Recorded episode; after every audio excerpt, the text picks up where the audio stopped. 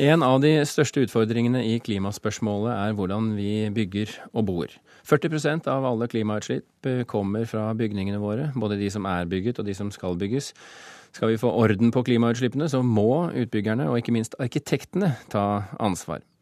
De kommende to dagene skal fremtidens bygging diskuteres her i Oslo under FutureBuilt-konferansen. Og Berit Rusten fra FutureBuilt, eh, for de som ikke helt eh, vet, vet, vet hva dere driver med, en kort forklaring. Ja, FutureBuilt det er et eh, samarbeid mellom eh, foreløpig Oslo og Drammen kommuner og åtte nasjonale aktører, eh, departementer, direktorater, om å få fram gode forbilder på hvordan man eh, bygger mer klimaeffektivt. Både bygninger og byområder. Og Nå er det stor konferanse de neste to dagene. Hva ønsker dere å oppnå?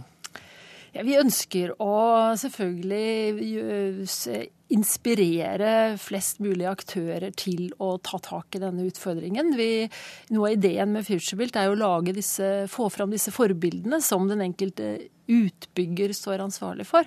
Men eh, vi ønsker jo at andre aktører i bransjen og kommuner og de som på en måte innvirker på byggeriet, skal la seg inspirere. Og vi har jo en rekke Veldig mange av deltakerne er jo ikke de som direkte er involvert i FutureBuilt, men som ønsker å lære av denne prosessen. Og vi har også hentet inspirasjon fra utlandet. Men hvem er det som kommer, da?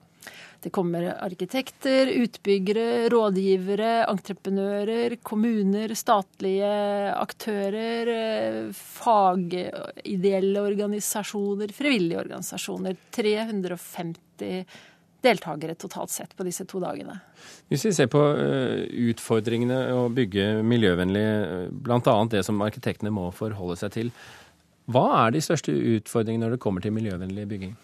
Ja, jeg, jeg har på en måte lyst til å kanskje litt, sånn nå fokusere litt på det vi kaller klimaeffektiv byggeri, i og med at eh, akkurat klimameldingen er eh, lagt fram. Og eh, det, der ser man at skal man bygge mer klimaeffektivt, så er det egentlig tre parametere som er viktig. Det er å få ned energiforbruket i driften av bygningene. Eh, det er å velge byggematerialer med et lavere klimagassutslipp når man produserer de.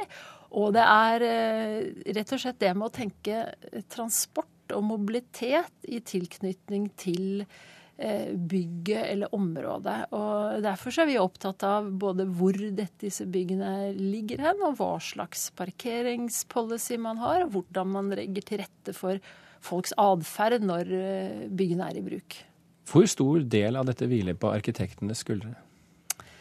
Arkitektene har jo mye å si i forhold til eh, både materialvalg og energikonseptet. De har jo også en viss innvirkning på dette med transport, men der er det jo også kommunen en viktig aktør. Men mye har jo også å si hva er det utbyggeren som skal ha bygget, bestiller. Så eh, det er jo litt sånn at utbyggerne kan skylde på arkitekten at arkitekten ikke vil, og arkitekten kan skylde på utbyggeren med at utbyggeren ikke vil. Men det vi ser, er at der det er kompetanse til stede, der får man til veldig mye mer. Så det å løfte kompetansen hos alle aktørene er eh, utrolig viktig.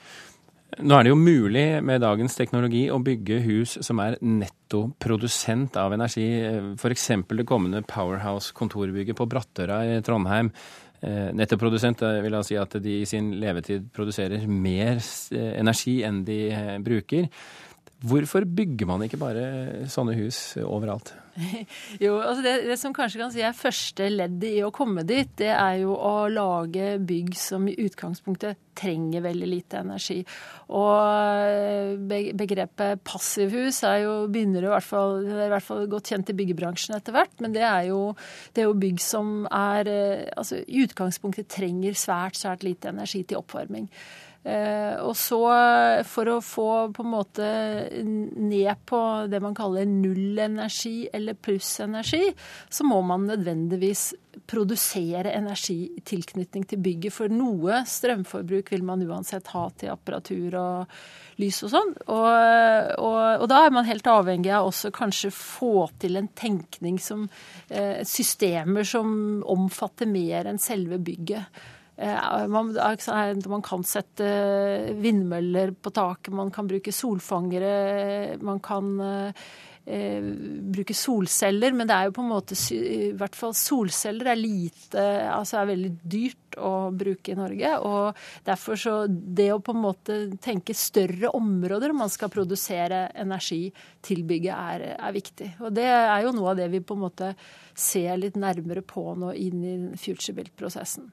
Vi står på terskelen til store endringer innen vår byggekunst. Berit Rusten, eh, takk for at du kom til Kulturnytt, og lykke til med, med eh, konferansen som skal være i de neste to dagene.